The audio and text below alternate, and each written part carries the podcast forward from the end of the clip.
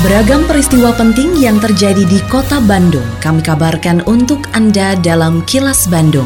Diproduksi oleh LPS PR SSNI Bandung bekerja sama dengan Humas Pemkot Bandung yang disiarkan serentak oleh 40 radio anggota PR SSNI Bandung. Sejumlah informasi aktual kami hadirkan untuk Anda dan inilah informasi utamanya. Polisi tangkap anggota TNI Gadungan pelaku begal. Orang tua diimbau dampingi anak dalam belajar secara daring. Pelaksanaan kurban diharapkan tidak munculkan klaster baru COVID-19. Saya Santika Sari Sumantri, inilah kilas Bandung selengkapnya. Jajaran polisi dari Satreskrim Polresta Bandung berhasil menangkap dua orang begal yang kerap meresahkan para sopir truk angkutan barang. Pasalnya dalam menjalankan aksi kejahatannya, kedua begal ini mengaku sebagai anggota TNI. Kapolresta Bandung Komisaris Besar Polisi Hendra Kurniawan mengatakan kedua tersangka selalu menggunakan atribut TNI secara lengkap sehingga korban percaya dan takut akan penampilannya. Dalam menjalankan aksinya, kedua tersangka berboncengan sepeda motor dan berpura-pura tersenggol oleh truk yang telah mereka incar. Para pelaku kemudian mendatangi sopir truk dan memaksa korban untuk menyerahkan uang serta benda berharga lainnya. Menurut Kapolresta, aksi kedua begal ini telah berlangsung sejak tahun 2018 dan sudah ratusan kali melancarkan aksinya di wilayah Kota Bandung, Kabupaten Bandung, Kota Cimahi, dan Kabupaten Bandung Barat. Terkait dengan kasus pencurian dengan kekerasan. Ini periode waktunya 2018 sampai dengan sekarang. Hasil pendataan ada kurang lebih 136 TKP. Kemudian beroperasinya di wilayah Kota Bandung, Kabupaten Bandung, Kabupaten Bandung Barat, dan Cimahi terkait dengan berita sebelumnya.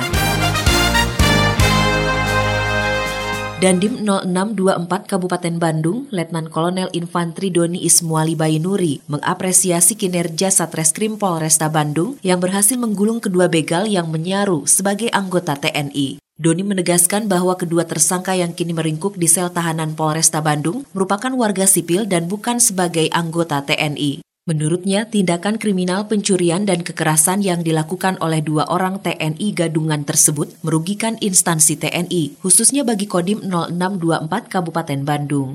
Pelaku ini memang murni orang sipil yang menggunakan atribut TNI mulai dari sepatu, pakaian, dan atribut lain dalam pakaiannya itu untuk melaksanakan tindakan kekerasan yang diikuti dengan boleh dibilang perampokan barangkali sebetulnya, begal begitu. Tapi mereka mengatasnamakan TNI dengan sekaligus menggunakan atribut lengkap Tim Satuan Tugas Pemeriksa Hewan Kurban Pemerintah Kota Bandung mulai turun ke lapangan. Tim beranggotakan 100 petugas gabungan dari Dinas Pangan dan Pertanian Kota Bandung, serta relawan Perhimpunan Dokter Hewan Indonesia Jawa Barat akan bekerja untuk memastikan hewan kurban sehat dan layak potong. Usai melepas tim Satgas di Balai Kota pada Rabu kemarin, Wali Kota Bandung Odin Muhammad Daniel berharap para petugas juga turut mengampanyekan kepada masyarakat agar tetap mematuhi standarisasi protokol kesehatan di tengah pandemi COVID-19. Odin mengingatkan meski kota Bandung sudah berada di zona biru, masyarakat kota Bandung harus tetap disiplin melaksanakan protokol kesehatan, sehingga pelaksanaan Idul Adha dapat berlangsung tanpa adanya temuan kasus baru COVID-19 di kota Bandung. Saya berharap mudah-mudahan para petugas ini bukan hanya sekedar memeriksa bagaimana hewan kurban secara syar'i, sehat, ya kira kesehatannya, tapi juga mereka juga bisa mengajak masyarakat Kota Bandung, khususnya para mukorobin, para pengurban dan masyarakat Kota Bandung untuk melaksanakan protokol kesehatan. Karena di balik suasana kita ada Idul Adha ini, harapan kami tidak mau ada pasar baru lah dari proses pelaksanaan Idul Adha ini. Dinas Pangan dan Pertanian atau Dispangtan Kota Bandung bersama kewilayahan memetakan sampai saat ini terdata sebanyak 212 titik lokasi penjualan hewan kurban di Kota Bandung. Kepala Dispangtan Kota Bandung Gin-Gin Ginanjar mengatakan pihaknya sudah menyampaikan surat edaran Kementerian Pertanian mengenai panduan kurban di masa pandemi COVID-19. Semua standarisasi protokol kesehatan tersebut harus dipenuhi oleh penjual dan pembeli, termasuk panitia pengelola hewan kurban. Seperti di tempat penjualan, Gin-Gin meminta para penjual hewan kurban menyediakan tempat cuci tangan, menjaga jarak dan disiplin menggunakan alat pelindung diri atau APD. Setidaknya selalu memakai masker, baju lengan panjang, dan sarung tangan. Itu memang yang membedakan saat ini sebetulnya karena suasana di tengah pandemi. Dan kita sudah ada keluar surat edaran sudah dari Kementerian Pertanian terkait dengan bagaimana mengelola dari mulai tempat penjualan sampai proses penyembelihan dengan syarat-syarat protokol kesehatan. Kita sudah sebarkan itu ke, ke wilayah kewilayahan termasuk kepada pengusaha-pengusaha ternak yang harus dipenuhi. Misalnya untuk kandang harus tersedia tempat cuci tangan gitu. Kemudian si penjual juga harus melengkapi dengan APD minimal tadi masker.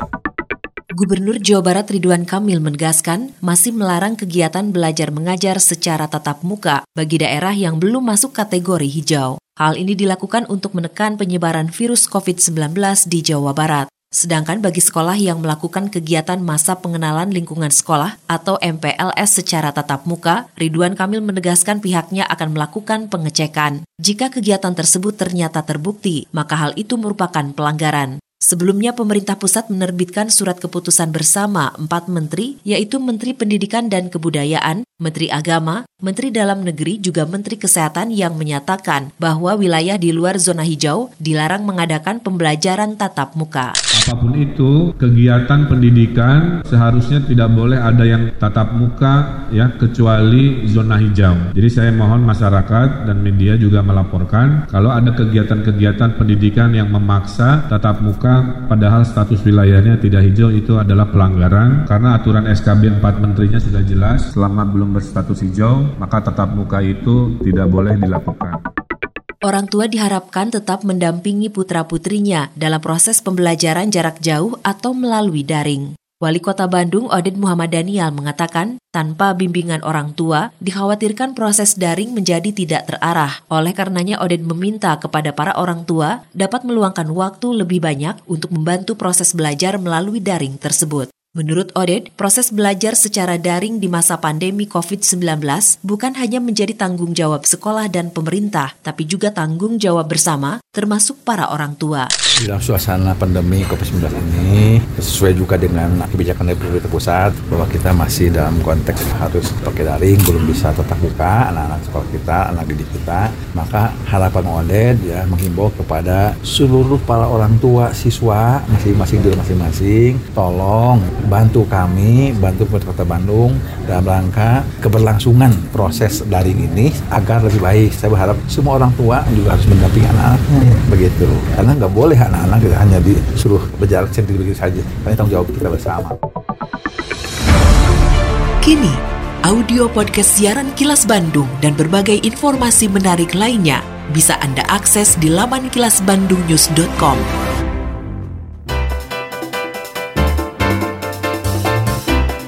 Berikut sejumlah agenda kerja para pejabat Pemkot Bandung Kamis 16 Juli 2020. Wali Kota Oded M. Daniel menerima silaturahmi Kepala Kantor Imigrasi Kota Bandung. Sementara itu, Wakil Wali Kota Yana Mulyana membuka rapat evaluasi peraturan Wali Kota Bandung tentang pedoman adaptasi kebiasaan baru atau AKB. Berikutnya menerima pemaparan rencana MPP Kota Bandung di Sumarekon, Jalan Gede Bage Selatan, dan dilanjutkan dengan peninjauan ke lokasi. Sedangkan Sekretaris Daerah Emma Sumarna secara virtual memimpin rapat koordinasi penguatan pelaksana aksi strategi nasional pencegahan korupsi. Adapun Bandung menjawab menghadirkan narasumber Kepala Diskar PB Kota Bandung serta Kabakesra Kota Bandung. Selain agenda kerja para pejabat Pemkot Bandung, informasi dari Humas Kota Bandung, yaitu Wakil Wali Kota Bandung Yana Mulyana, mengapresiasi bantuan 70 wastafel portable yang merupakan CSR dari PT Indosat. Rencananya wastafel tersebut akan ditempatkan di sejumlah sekolah sehingga edukasi tentang mencuci tangan dengan sabun bisa lebih masif. Demikian agenda kerja para pejabat Pemkot Bandung dan info aktual yang diterima redaksi LPS PR SSNI Bandung dari Humas Pemkot Bandung.